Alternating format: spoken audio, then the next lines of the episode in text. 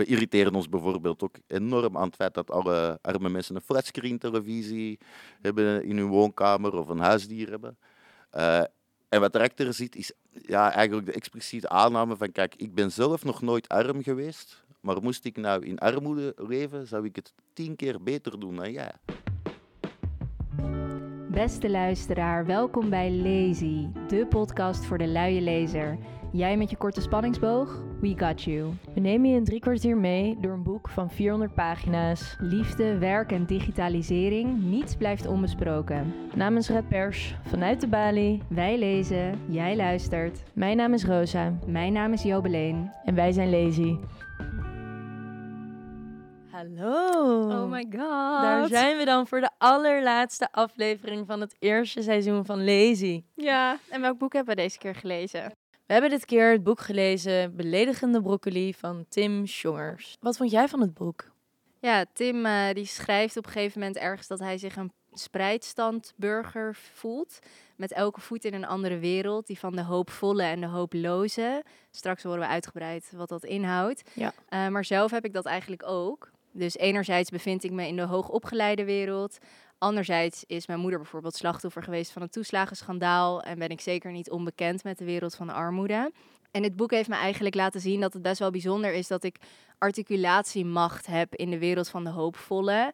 En dat inspireert me eigenlijk om die stem meer te gaan gebruiken om me in te zetten voor de hooplozen. Ja, nou, dat komt vast helemaal goed nu je journalistiek studeert. Ik hoop het.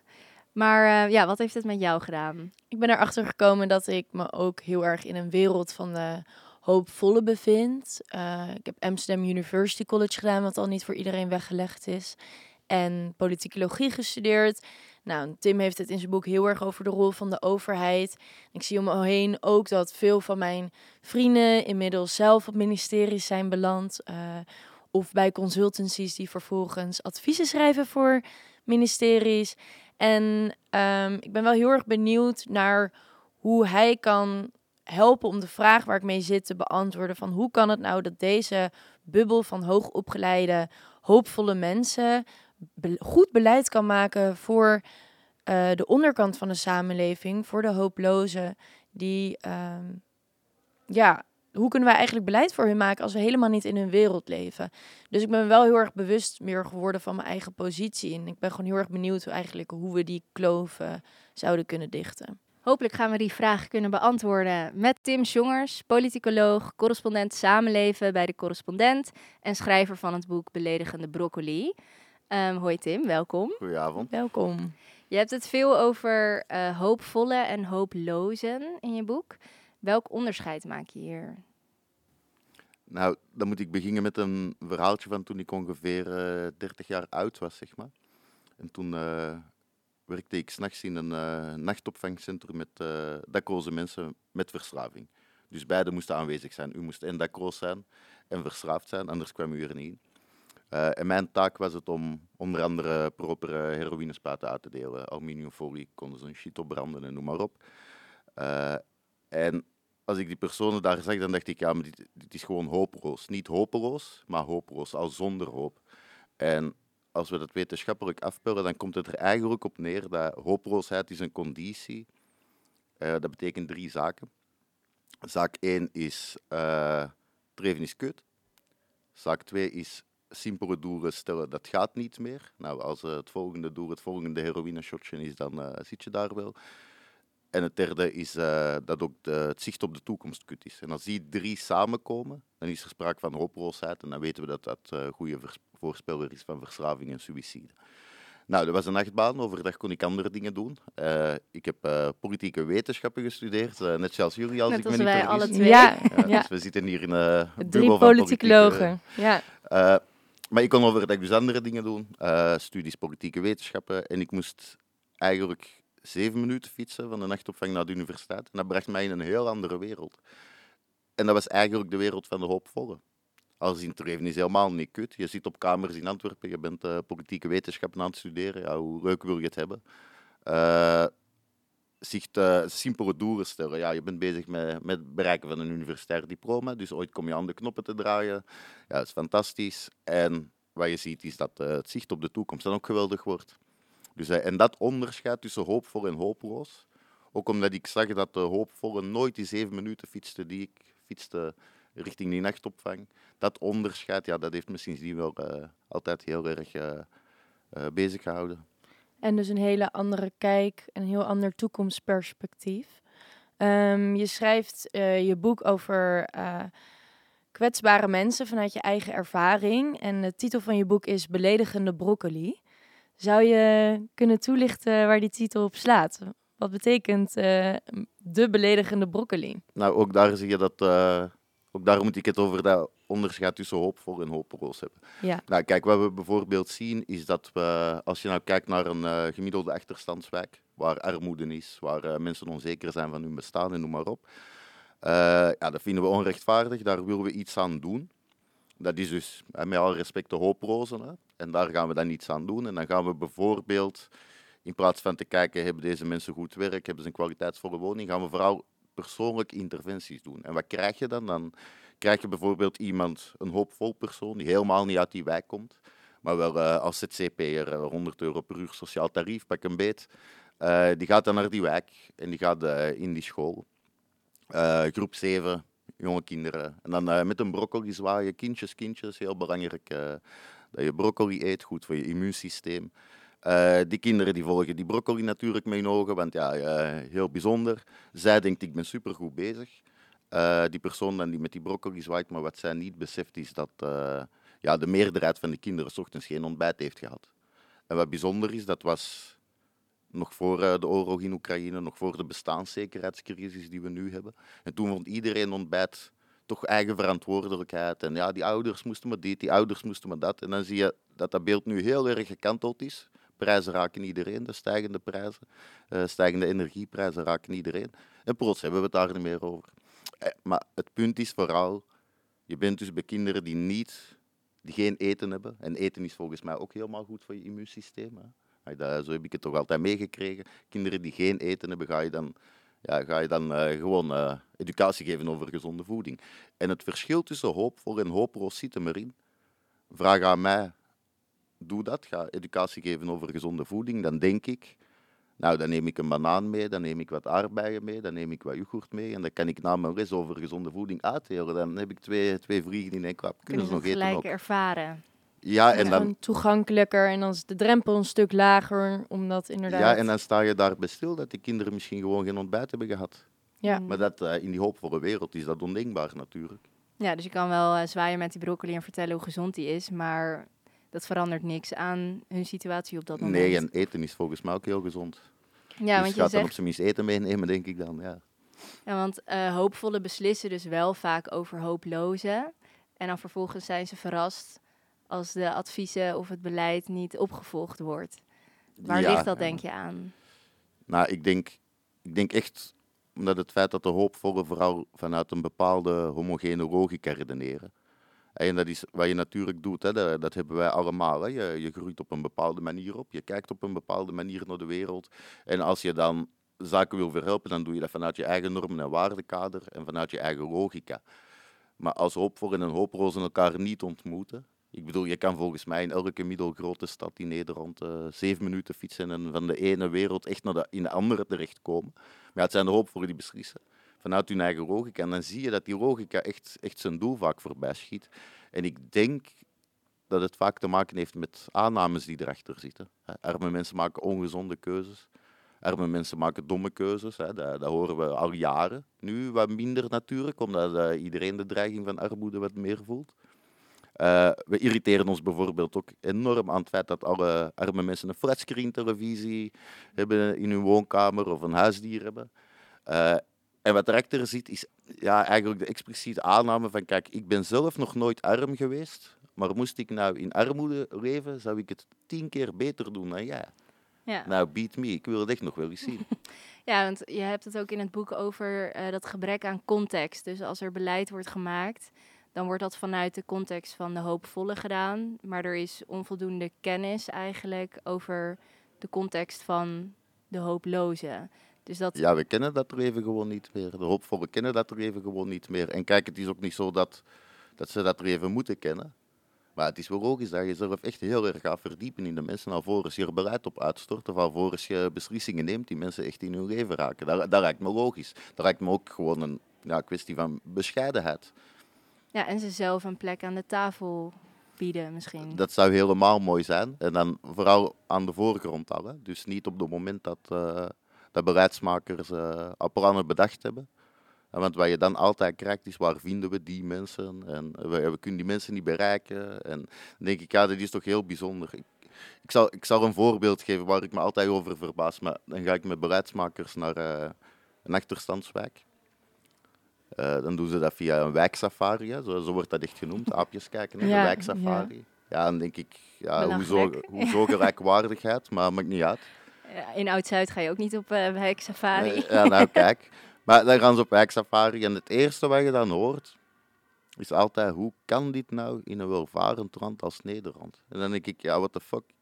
Jij draait al twintig jaar om de knoppen. En jij vraagt aan mij hoe dat, dat kan in een welvarend land als Nederland. De tweede vraag is, wat is armoede nou echt? Je maakt al tien jaar bereid op armoede en je, je vraagt om mij wat dat echt is. Nou, stel, stel je voor dat wij straks met z'n drieën gaan eten. En wij bestellen uh, een zalm, zeg maar komt die kok naar ons. Wat is een zalm nou echt? Dan vallen we toch van onze stoel. Dan denken we toch echt, die kok die spoort niet. Als we dat met armoedebereid doen, dan vinden we het allemaal prima. Ja. Nou, dat is uh, het concrete verschil tussen hoopvol en hopeloos zijn en totaal niet weten hoe die wereld eruit ziet. En even ook inzoomen op wat je noemde net, uh, ongezondere keuzes. Uh, zeg maar die ongezonde keuzes, die haal je meerdere keren aan eigenlijk in je, in je boek. Over dat mensen die lager op de sociaal-economische ladder zitten, ongezondere keuzes maken. Ehm, maar dat heeft te maken met heel veel andere factoren. En er zitten heel veel achterliggende factoren volgens jou ook aangepakt moeten worden. Kan je dat toelichten? En hoe bijvoorbeeld die hoopvolle dus naar die ongezonde keuzes kijken. En hoe die keuzes eigenlijk echt tot stand komen? Nou, kijk, ik, ik zal een verhaaltje vertellen, maar als, als je vandaag nou echt een, een kutdag hebt en je was hier te laat voor die podcast op te nemen en ik ben boos en dan hebben jullie samen ook nog eens ruzie, want ja, is rechts één was te laat, dan ga je straks naar huis, heb je met je partner ook nog eens ruzie. Nou, het eerste wat je doet rond 9 uur s'avonds is een flesje wijn opentrekken, Riptonisch chocolonies erachteraan, hè, karamel zeezout en oranje.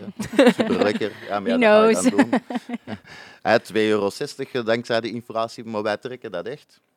Uh, en dan bellen jullie naar elkaar en dan zeg je, ja, maar doe maar even geen yoga, ga me niet hard erop. Geef het een plekje, morgen een nieuwe dag met nieuwe kansen. Maar als dat elke dag zo'n dag is, wat je per definitie hebt in een leven in armoede, is elke dag stress, elke dag moet je bewijzen of je wel arm genoeg bent om in aanmerking te komen voor de voedselbank en noem maar op. Eens je arm bent, dan ja, word je er heel veel mee geconfronteerd dat je arm bent. Nou, dan weet ik niet of je s'avonds nog komt met een, uh, met een frisse rode wijn en een reptonisch chocolonisch. Dan denk ik dat dan denk ik dat, dat een pakje check wordt. Dan denk ik dat dat vooral heel snel ja, voeding wordt die je heel snel gewoon naar binnen kan werken. Uh, en dat is dan die contextuele zaak natuurlijk. Uh, maar we weten ook dat als wij ons slecht voeren, ja, we verlangen ook gewoon een comfortfood, zoals wij dat dan noemen. Uh, en dat doen we allemaal. En dat is simpelweg omdat comfortfood, vet en zoet voedsel, dat verdrinkt onze stresshormonen. Dus ja, steek er een rip chocolade in en de stress wordt letterlijk wat lichter. Ja, heb je alle dagen stress, nou dan uh, is die, uh, ja, dan is die, die neiging om heel veel ongezond te eten gewoon. Ja, dus je zegt ook eigenlijk van, dan die, voor die mensen is er de volgende dag niet een nieuwe dag met weer heel veel kansen. Die kansen liggen dan, zijn er dan nog steeds niet. En er liggen nog steeds allemaal brieven op de mat van bijvoorbeeld de belasting. Dus dan wordt dat uiteindelijk een soort patroon wat zich ja, wordt een vicieuze cirkel. Kijk, uiteindelijk, voor ons is het dan morgen is een nieuwe dag met nieuwe kansen. Voor hen is het morgen is gewoon een nieuwe kutdag in dat kutleven van jou. En zij hebben niet de mogelijkheid om dingen uit te sourcen. En wat ik altijd zeg is, kijk, de hoopvolle, dat is eigenlijk de outsourcingsklasse. Als ik problemen heb met mijn belastingen, belastingadviseur. Als ik een juridische kwestie heb, juridisch adviseur. Als ik er niet uitkom met het huren of het kopen van een woning, nou, huurmakelaar, aankoopmakelaar, noem maar op. Als ik niet wil poetsen, nou dan uh, schoonmaakster. Als ik niet wil koken, thuisbezorgd.nl. Ik shit, ik al mijn shit source ik uit. En dat zorgt ervoor dat ik eigenlijk... Eigenlijk geen problemen Nee, en als ik zeg, dan uh, lost iemand dat wel voor mij op als ik de juiste prijs betaal. Als je een armoede heeft, nou, da- dan kan je dat niet outsourcen, want dan heb je daar het geld niet voor. En dan moet je naar hulpinstanties. En dan zie je dat, je dat je daar nog meer onder druk gezet wordt. Dat je iedere keer moet bewijzen, ben je wel arm genoeg. Eh, dat we gaan kijken of we jouw zelfredzaamheid niet kunnen oplossen. Terwijl ja, het feit dat wij de outsourcingsklasse zijn, bewijst dat we geen van allen zelfredzaam zijn. En, en die drempel is dan misschien ook nog aardig groot om die hulp te gaan zoeken. Want ik heb ook een keer zelf geprobeerd om er afvalstoffenheffing uit te komen. Nou, eh, ik vind de drempel echt heel erg hoog om überhaupt... ehm, Iets tal- van hulp te ontvangen. Ja, en talloze formulieren die je moet invullen, die echt een onnavolgbaar proces is het binnen de gemeente. En je wordt echt van het kastje naar de muur gestuurd. Dus ik kan me dan ook voorstellen dat juist als je die hulp heel hard nodig hebt, dat het dan ook nog heel moeilijk is eigenlijk om, eh, om die te vragen. eigenlijk kunnen we gewoon zeggen dat, kijk, als je arm bent in een rijk land, dan krijg je gewoon heel het systeem tegen je. Omdat de meerderheid eh, rijk is en dus niet kan begrijpen dat je een armoede heeft. En als we nou kijken naar bijvoorbeeld een, eh, een alleenstaande moeder met twee kinderen, die heeft eh, recht op ongeveer 20 inkomensondersteunende maatregelen. Van toeslagen tot eh, kindertoeslag, noem maar op. Eh, als je kijkt naar die 20 al die twintig maatregelen vergen enige bureaucratische vaardigheid. Eh, je moet het ook digitaal kunnen. Maar wat we zien is dat binnen die twintig maatregelen zeven verschillende definities van inkomen gebruikt worden. Nou, dan heb je echt al eh, administratieve knobbel nodig om daaruit te geraken. En wat we ook zien is dat eh, als je een foutje maakt op het ene formulier, dat dat al heel snel effect heeft op het andere formulier. Ja, en dan kom je gewoon mega in de knel. En eigenlijk wat we dan doen, is de mensen die al het meeste onder druk staan, die zetten we nog meer onder druk door wellicht goed bedoelde systemen, maar goed bedoeld vanuit onze hoopvolle logica. Ja, Terwijl ze zijn- deze mensen niet kunnen Ze outsourcen. zijn heel erg gebouwd op het idee dat iedereen zijn zaken op orde heeft. En als je dat eigenlijk niet hebt, dan wordt het alleen maar telkens ingewikkelder. Maar wat ik ook in je verhaal hoor is eigenlijk, nou, het is heel menselijk om, eh, als je dus zo'n kutdag hebt, of je denkt, oh nou, ehm, even een, ik verwen mezelf even met een cappuccino, of het regent super erg en ik heb al zo'n kutdag, dus ik ga even met de taxi. Hoopvollen kunnen zich dat permitteren op het gebied van geld en eh, ja, hooplozen niet. Maar ook op het gebied van eh, of mensen je erop afrekenen of niet. Dat maak ik ook uit het boek op dat als je als hooploze dan jezelf zo'n verwenmomentje gunt of een keer eh, uit stress iets aankoopt of zo, dan wordt het je keihard afgerekend. Terwijl we het eigenlijk allemaal doen. Maar als je dus arm bent, dan mag je die fout tussen aanhalingstekens dus niet maken. Ja, en dat is dan bijzonder, hè, want welke boodschap zenden we daar eigenlijk mee uit? Hè? Want dat is inderdaad, hè, we hadden het er net, arme mensen maken eh, ongezonde keuzes. Dit is dan het, hè, in onze optiek maken ze domme keuzes. Je leeft al in armoede, ga je een flatscreen televisie kopen. Of ga je, eh, ga je een eh, dier in huis halen. Maar wat zeggen we eigenlijk? Oké, u leeft al in armoede. Elke dag is al overleven. En nu gaan we je ook nog eens compleet isoleren van de wereld. Dus geen televisie meer kijken. We willen ook niet dat je een iPhone hebt. Dus in verbinding staan met anderen, dat willen we ook niet meer. En die eenzaamheid, ja, laat maar hangen, die, die hond moet weg. En wat gaan we dan doen? En dan ontdekken we binnenkort dat er in de stad bijvoorbeeld eh, x duizend mensen eenzaam zijn. En dan komt er een, eh, een stedelijk programma tegen eenzaamheid. Dan gaan we leger vrijwilligers optuigen die dan koffie gaan drinken met mensen in armoede, want ja, u bent zo eenzaam. Dan denk ik, ja, maar is het dan niet veel logischer dat we zorgen dat deze mensen op een gedegen manier kunnen participeren?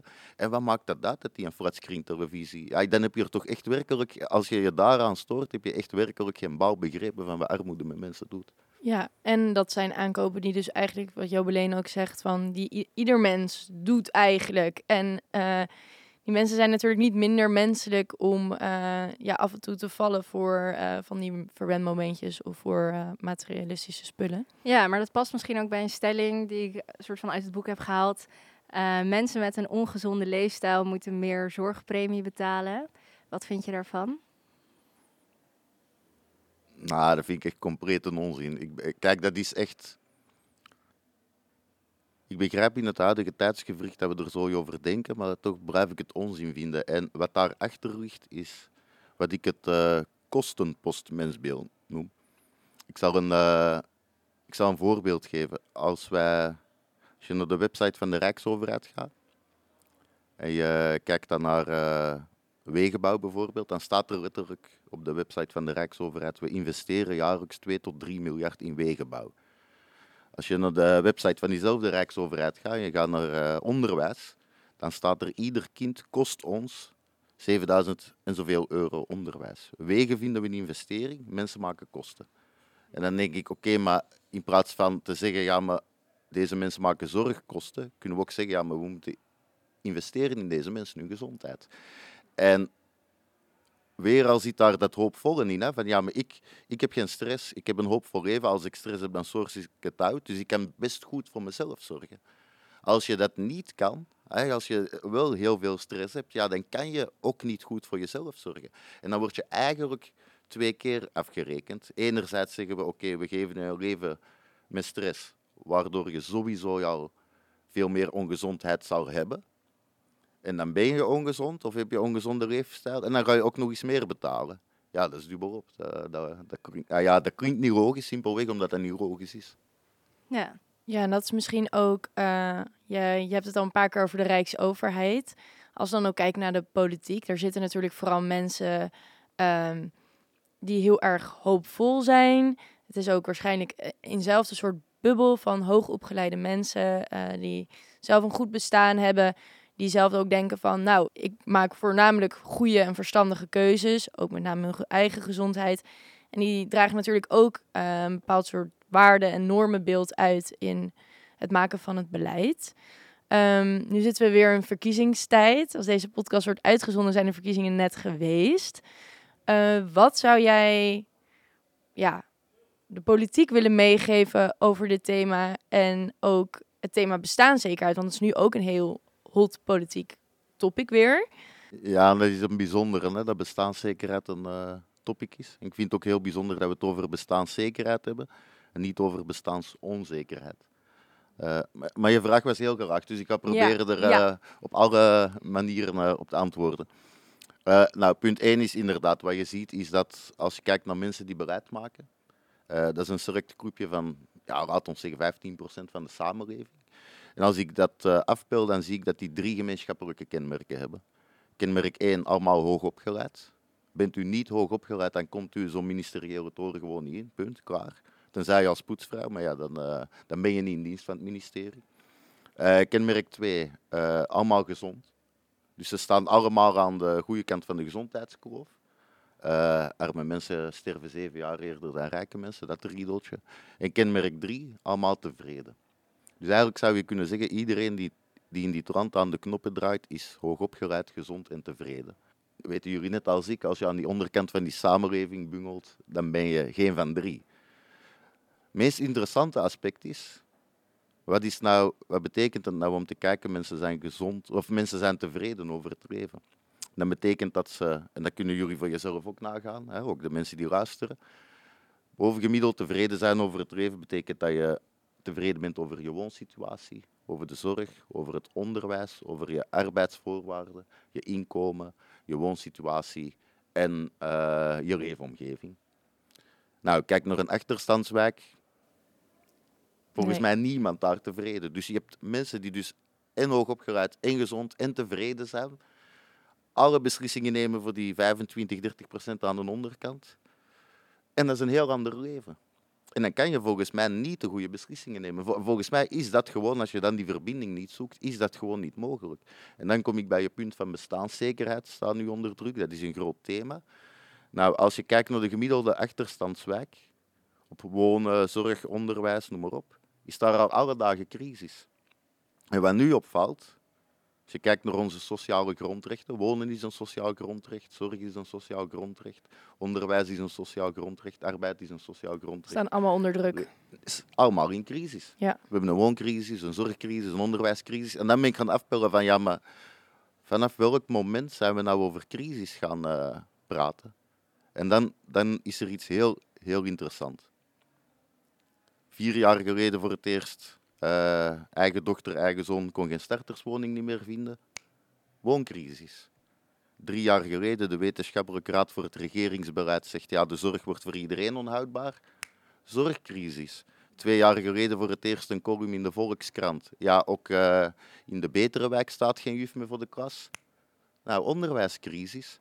En sinds uh, stijgende inflatie, stijgende energieprijzen, bestaanszekerheidscrisis. Ja, dus sinds het een deel van de hoopvolle begint te raken, is het een probleem. Exact. Ja, ik hoorde volgens mij Dylan uh, van VVD ook laat zeggen van, uh, die wilde heel graag benadrukken in een debat uh, dat het ook nu de middeninkomens allemaal raakte en dat ook gewoon de werkende mens nu, in, ja, nu geen bestaanszekerheid had, alsof het dan pas ja. een crisis is. Maar ook, dat maakt het wellicht ook nog extra zorgelijk, want dan wordt er waarschijnlijk weer door die hoopvolle naar oplossingen gezorgd. Exact. En voor, voor, de voor het kleine deeltje hoopvolle in crisis. En niet hoe het dus eigenlijk voor de laag van de samenleving die al tientallen jaren, ehm, of nou gewoon zolang ja, we, we dus ook Amsterdam kennen, Nederland kennen zoals het is, om het voor de hooploze dat soort crisissen aan te Ja, en dat is het bijzondere en wat u ook zei, van, we hebben het over bestaanszekerheid als thema, maar waarom niet over bestaansonzekerheid? Ja. 25% van de bevolking die heeft gewoon in bestaansonzekerheid op al die domeinen. Maar door het over bestaanszekerheid te hebben, gaat het over ons. Het gaat over de middenklasse. Het gaat helemaal niet meer over die onderkant van die samenleving. Eigenlijk zeggen we nu, we willen voorkomen dat bestaanszeker bestaansonzeker worden. En er zit niet meer in, we gaan die bestaansonzekeren uit de shit halen. Dat zit er gewoon niet meer in. Het gaat over ons. En dat Dylan hè, uh, daarop focust, ja, dat begrijp ik wel. Want we weten het dat die onderkant van die samenleving, dat dat de mensen zijn die niet meer gaan stemmen. Dat zijn dan de mensen die we afgehaakt Nederland noemen. Nou, ik, ik stel altijd de vraag van, ja, maar is dat niet gewoon weggeduwd, Nederland? Ja, of is de, heeft de, is de overheid niet afgehaakt in het helpen van hen, ja. Ja, bij die mensen zeer zeker. En je zou eigenlijk kunnen zeggen, deze mensen zijn weggeduwd door de hoopvolle. En daardoor is je kloof eigenlijk nog groter geworden. En is het niet alleen maar meer een kloof uh, in geld en kansen, maar dus ook ja, eigenlijk in, uh, in toekomst en in, in de politiek. Mm. Is er dan nog een manier om dit, deze kloof toch te dichten? Ja, toch weer met elkaar in verbinding te maken? Ja, dat denk ik wel. Uh, we moeten hoopvol blijven, moet je het jargon te blijven. ik denk het wel en ik denk dat we moeten zeggen, oké, we hebben heel veel maatschappelijke kroven, we hebben ze het allemaal wat benoemd. Maar is nou de grootste kroof in de samenleving niet de begripskroof? Het feit dat we gewoon die anderen niet meer kennen. En inderdaad, het feit dat de hoopvolle over de hooploze beslissen. En dat met een gigantische begripskroof doen. Als dat een juiste analyse zou zijn, dan betekent eigenlijk, ja, betrek de hooploze veel meer bij je beleid. En je krijgt menselijker beleid. Of ga als hoopvolle veel meer naar buiten. En ik zal een heel concreet uh, voorbeeld geven. De laatste tien jaar is het uh, aantal daklozen in Nederland verdubbeld. We hebben het nooit over een daklozencrisis gehad, toch? Nee. Ik heb het nooit gehoord. Nee. Die we hebben het nu wel over een wooncrisis, hè? daar hebben we het nu wel over. Maar we hebben het nooit over een daklozencrisis gehad. Het aantal daklozen is verdubbeld. En dan, uh, kijk, dan ben je beleidsmedewerker, krijg je van de, van de wethouder of zo, of van, uh, van de minister, staatssecretaris, krijg je de opdracht, ja, je, we hebben op het eind van de week 500 extra bedden nodig. Nou, uh, zit je achter je laptop, ga je wat mailen, ga je wat bellen.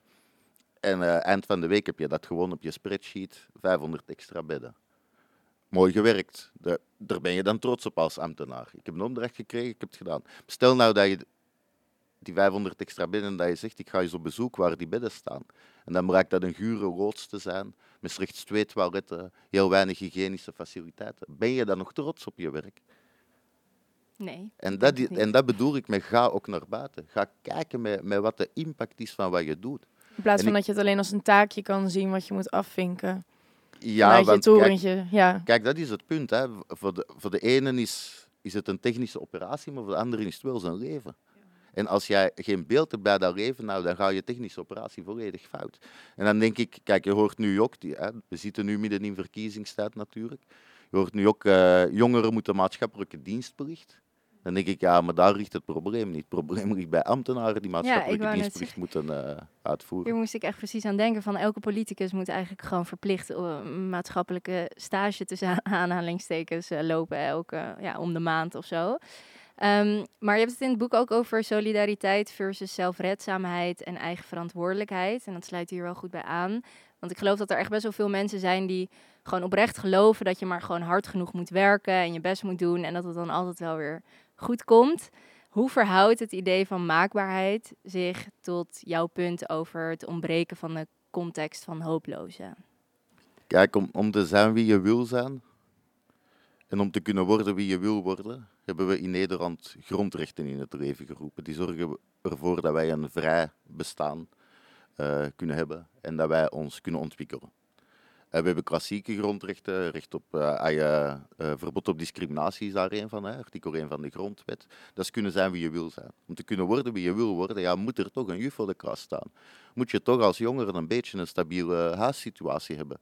Als je in een woningbouwcorporatie leeft en ja, die woningbouw die, laat die schimmels op de muur hangen, nou, dan word je ziek. Kan je mhm. nog heel hard gaan werken, ben je wel ziek door het feit dat die woningbouwcorporatie die schimmels niet weghaalt. Dat heeft niks niet meer met eigen verantwoordelijkheid te maken. Dat is eigenlijk het verschil tussen willen en kunnen dan. Je ja, kan wel net zo hard willen, maar als het niet kan, zeg maar, dan kom je er... Ja, zeer zeker. En kijk, kijk we, we, moeten toch niet willen dat iedereen ook opgeleid raakt.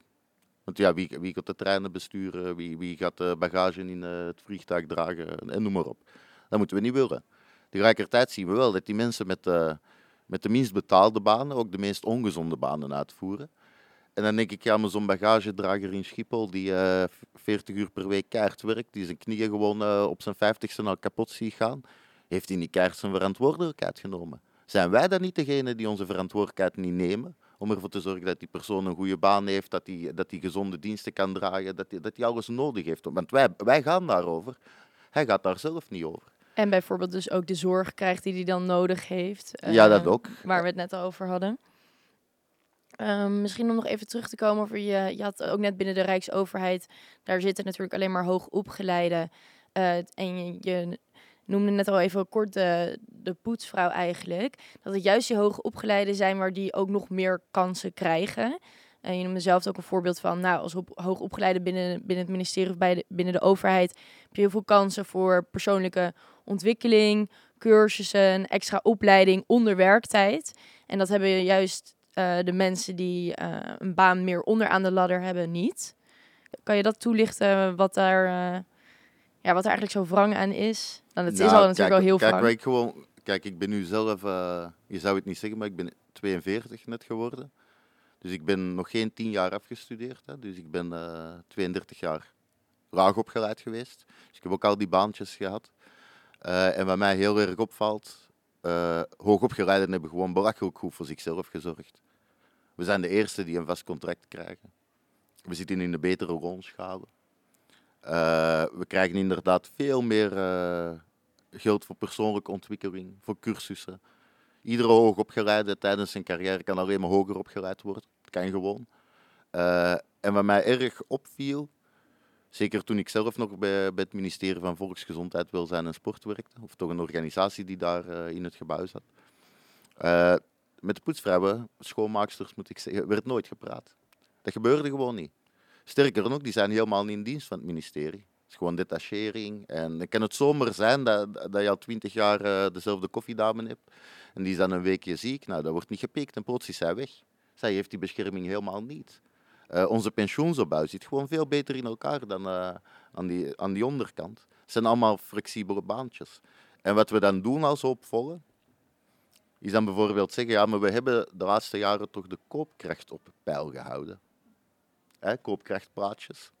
En dat klopt, hè. Ja, als, je, als je kijkt, uh, uh, laagbetaalde arbeid tien jaar geleden, nou, dat is inderdaad nog een soortzelfde koopkracht als die arbeid de dag van vandaag. Dus dan kunnen we ons op de borst kloppen. Maar tien jaar geleden werkte die persoon van 9 tot 5. Uh, eh, had hij een vast contract. Uh, nu werkt diezelfde persoon in wisselende diensten. Uh, moet hij ook in het weekend werken. Heeft hij flexibele contracten. Ja, dus die, ar die arbeidsvoorwaarden. Ja, en die koopkracht is ook niet meer voldoende om nog nee. hypothecaire lening te krijgen. Nee, dan hebben we het nog ineens over persoonlijke ontwikkeling. Want eigenlijk diegene zou juist de, de meeste meters kunnen maken op de ladder eigenlijk, als we het hebben. Maar die ja, dat kan niet. gegund. Ja, net als, als, de, als bijvoorbeeld die vrouw die dan de koffie zet um, bij beleidsmakers. Als die ineens zou zeggen: Hé hey jongens, jullie proberen beleid over armoede te maken, daar weet ik heel veel van. Uh, kunnen niet in mij investeren om hierover mee te praten? Dan wordt ze uitgelachen waarschijnlijk. Terwijl als een, iemand die al wetenschapper is zegt: Oh, ik, ik heb subsidie nodig om uh, nog meer onderzoek te doen naar armoede, die krijgt dat wel zo. Ja, en dat is het gekke, hè? want waarom heb je die onderzoeken allemaal nodig? Ten eerste doen we heel heel, heel veel onderzoeken. Uh, en ten tweede is de eerste vraag dan waar vinden we die mensen? dan denk dus. ik, ja, ja, ze werkt bij jou. ja, ja. dat is niet zo ingewikkeld. Dus ik denk dat ik denk dat, dat echt, echt wel het gekke is, dat we, ja, dat we op een bepaalde manier er zijn gaan boven gaan zweven. Uh, en toch nog onszelf steeds een tie-dot vinden of, of de chosen ones vinden om daar uitspraken over te doen, terwijl je het ook gewoon aan de mensen kan vragen. Ja, en dat past misschien ook bij die diploma-democratie. Dus dat is een soort toegangspoort, of ja, diploma dient als een soort toegangspoort tot, uh, ja... Ja, zeer zeker. Ja, ja, maar dat, kijk, ik, wat ik zei, ik ben uh, negen jaar afgestudeerd. Mijn diploma gaan er heel veel deuren op, maar ik wist helemaal niet dat er zoveel deuren waren. Dat zijn er echt belachelijk veel die dankzij een diploma gewoon open gaan. En ja, een diploma is zeker, zeker een universitair diploma, is gewoon de, de snelste weg naar een uh, gezond en gelukkig bestaan. En dat zou zo niet moeten zijn, denk ik. Het zou uh, wat gelijker mogen zijn. Ja, dus dat ervaring ook meer uh, gewicht krijgt eigenlijk in je onderhandelingspositie. Ja, tuurlijk, maar ik, ik, ik, zou, ik zou echt een voorbeeld geven. En ik verzin dit niet, hè, wat ik nu zeg. Maar we hebben in Nederland een term, de zelfredzame daklozen. Wij zijn geen van alle zelfredzaam, want we sourcen onze shit uit. Maar we hebben een term zelfredzame daklozen. Ja, contrast zou niet groter kunnen zijn ja, in die twee Als je dakloos bent, ja, dan, dan, dan hou het wel even op, denk ik dan. Uh, maar dat wil dus wel zeggen dat er ooit tien ambtenaren samen aan een tafel, uh, gemiddeld loon van pak een beet uh, eh, 40.000 euro netto in de maand, en die hebben met z'n tien bedacht, zelfredzame daklozen. Dat is toch een goede term, ja.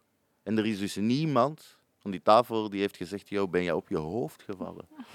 Ben, je, ben jij niet goed wijs of zo? Zet daar iemand die dakloos is geweest, of, of familie heeft gehad die dakloos is geweest, of, of in een nachtopvang heeft gewerkt zoals ik, die zegt toch echt, ja, maar zijn jullie nog serieus? Die tegenmacht die komt er niet meer omdat iedereen in dezelfde bubbel is opgegroeid. En kijk, dat... ja en amen tegen elkaar zegt op dat soort ja, uh, begrip en beleid. Maar het klopt ook voor hun idee, zeg maar. Omdat ze, ze begrijpen elkaars Ze hebben dezelfde wormen, normen en waarden. Dus het it makes sense. Alleen niet voor iemand die dan niet in die context leeft, eigenlijk. Nee, dan zeker niet, nee.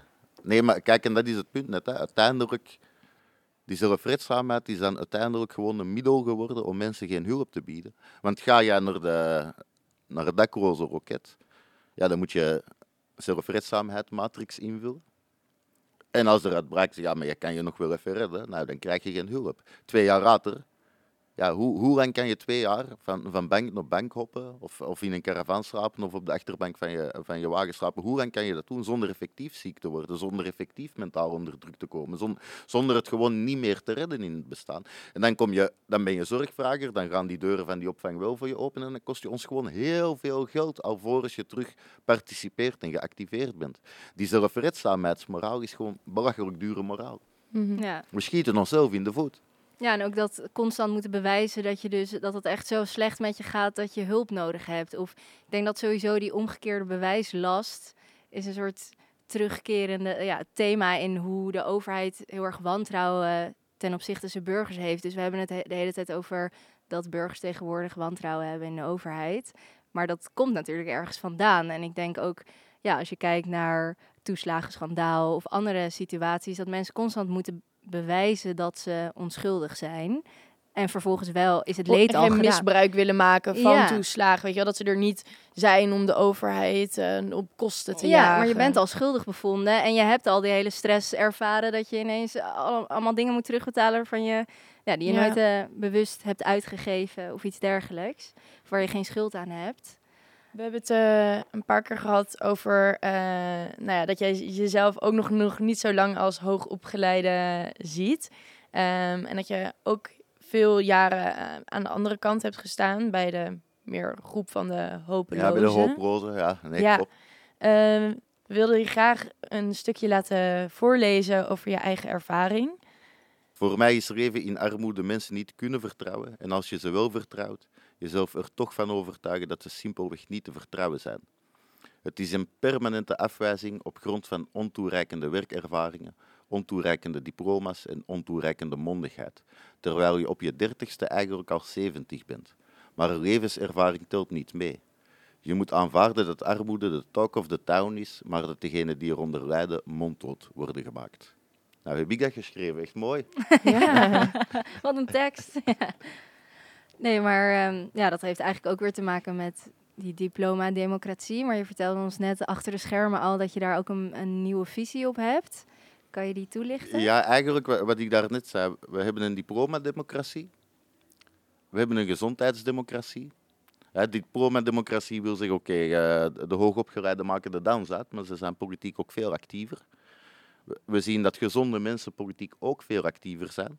En als je kijkt naar de gezondheidskloof in Nederland en de vertrouwenskloof, dat is nagenoeg gelijk. En dat is heel bijzonder, hè? want als ik griep krijg, ja, mijn vertrouwen in de overheid verdampt daar niet mee. Ik heb nou per definitie heel weinig vertrouwen in de overheid, Ja. maar dat terzijde. maar als ik ziek word, mijn vertrouwen verdampt niet. Maar als je langdurig ziek wordt en je komt constant bij een overheid die niet levert en jou wantrouwt, ja, dan ga je op den duur gewoon die overheid ook niet meer vertrouwen. Dat, was jouw eh, verhaal, Jobreen. Dus we hebben een, eigenlijk kan je zeggen, een diploma-democratie, een eh, gezondheidsdemocratie en ik voeg daaraan toe die tevredenheidsdemocratie. En dan kom je er eigenlijk op uit dat hoogopgeleide, gezonde, tevreden burgers eh, de dans uitmaken in dit land. eh, aan alle knoppen draaien die los en vast zitten, terwijl de meerderheid daar helemaal niet toe behoort. Oké, ehm, ja, ik heb weer een stelling.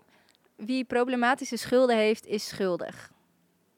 Ja, dat is hoe we dat geregeld hebben in Nederland. Iedereen eh, die schulden heeft, die, eh, die heeft een gat in zijn hand. En eh, wie schuldig is, moet boeten in Nederland. Hè. Zo, zo hebben we het opgetuigd. En dan zie je een gigantische schuldenindustrie ontstaan die er eigenlijk relatief weinig baat bij heeft om die schulden op te lossen. En ik weet niet of je het weet, maar we hebben pak een beet iets meer dan 3 miljard problematische schulden uitstaan. Dat zijn schulden waar mensen zonder hulp niet meer vanaf komen. En we geven tussen de 7 en de 11 miljard uit om die schulden te innen. Dus 7 tot 11 miljard verdwijnt in die schuldenindustrie. En ik denk ongeveer 35% wordt daadwerkelijk geïnd. En als we kijken naar die problematische schulden, dan zien we dat de, dat de overgrote meerderheid helemaal geen verwijtbare schulden zijn. Dat dat te maken heeft met eh, een live event zoals een scheiding of eh, zoals ziekte. En dan kom- komt men in de problemen en En dan duurt de hulpverlening heel Ja. lang en dan stapelt het op. Ja, ook zo belachelijk dat dus als je iets niet kan betalen, dan wordt er weer een aanmaning, komt er bovenop en dan wordt de schulden nog hoger en nog hoger. Dat we elke keer denken, oh ja, iemand die het dus al niet kan betalen, gaan we dan straffen met een nog hogere boete. Ja, Ja. Ons, ons boetebeleid is eigenlijk gewoon eh, het straffen van armoede. Ja, hetzelfde eigenlijk als in, de, als in de, met, met het zorgbeleid. En eigenlijk wordt het, eh, kost het je eigenlijk nog alleen maar ja, meer en je ziet daar eigenlijk altijd hetzelfde en dat is dat onze moraal heel dure moraal is. En dat is ook wat het eh, Centraal Planbureau eh, onlangs berekende, dat als, als je schuldenbeleid op orde is, en je zorgt dat mensen snel van hun schulden komen en terug snel perspectief hebben, ja, dan gaan je GGZ-kosten gewoon enorm, eh, dan gaan je GGZ-kosten gewoon enorm afnemen. We zien ook dat bijvoorbeeld mensen die schulden hebben veel vaker suïcide plegen. Nou ja, te laat je winst of verlies, denk ik dan. Dus ons, on- en dat is denk ik de hoopvolle moraal. De moraal van de hoopvolle is heel vaak op termijn heel dure moraal. En is er nog een laatste eh, boodschap hoe we toch eigenlijk dus met als hoopvolle met onze eigen normen, waarden en moralen toch dichter dus bij die hooplozen komen te staan. Nou, ik, ik denk gewoon, wees principieel bescheiden in je leven. Weet dat je dat, je dat leven aan die onderkant niet kent. Eh, ik zou het ook niemand gunnen om dat te kennen. Hè? Dus er is ook helemaal niks mis mee. Er is ook helemaal niks mis mee dat je hoopvol bent. Er is helemaal niks mis mee dat je aan de knoppen draait. Maar er is wel iets mis mee als je dat niet doet vanuit principiële bescheidenheid. Vanuit het besef, ik kan niet weten hoe dat leven eruit ziet. Ik weet niet hoe hard dat leven erin hakt. Dus laat me op zijn minst heel terughoudend zijn met de aannames en met wat ik denk over die mensen. En spreek niet langer over die mensen alsof het een exotische diersoort is. Het zijn mensen zoals u en ik die het sociaal-economisch gewoon in een heel andere wereld leven. Daar houden we het gewoon bij op. Ja. ja, het is ook grappig hoe wetenschappers, of als, als hoogopgeleide leren we juist dat je iets niet kan onderzoeken zonder de, de context in acht te nemen. Maar in dit geval doen we dat dus blijkbaar helemaal niet. Dat vergeten Dat we zijn dan les die weer. we heel snel vergeten zijn Ja, na dat de universitaire studies. Ja. Ja. Nou, dankjewel. Ik denk eh, dat het ook een mooie boodschap is om mee af te sluiten. Ja, ik heb Dank veel jullie. geleerd weer. En, Echt een eh, aanrader trouwens. Lees dit boek. Oh ja, eh, stel mensen denken, onze hoopvolle luisteraars en misschien ook hooploze ra- luisteraars denken, ehm, we willen meer weten over Tim's gedachtegoed of eh, we willen een beetje op de hoogte blijven over dit thema. Wat, eh, waar kunnen ze je volgen of kunnen ze iets zien? Nou, je, Lezen. je kan me op Instagram volgen, op Twitter, op LinkedIn. Dat is, eh, als je contact met me wil, is LinkedIn de snelste manier. Ik probeer altijd eh, nog steeds gewoon heel persoonlijk terug berichten te beantwoorden. Eh, en je zou me ook eh, bij de correspondent kunnen volgen, want daar eh, publiceer ik maandelijks eh, over deze thema's. Duidelijk, dankjewel. Mooi, dankjewel. Dank jullie.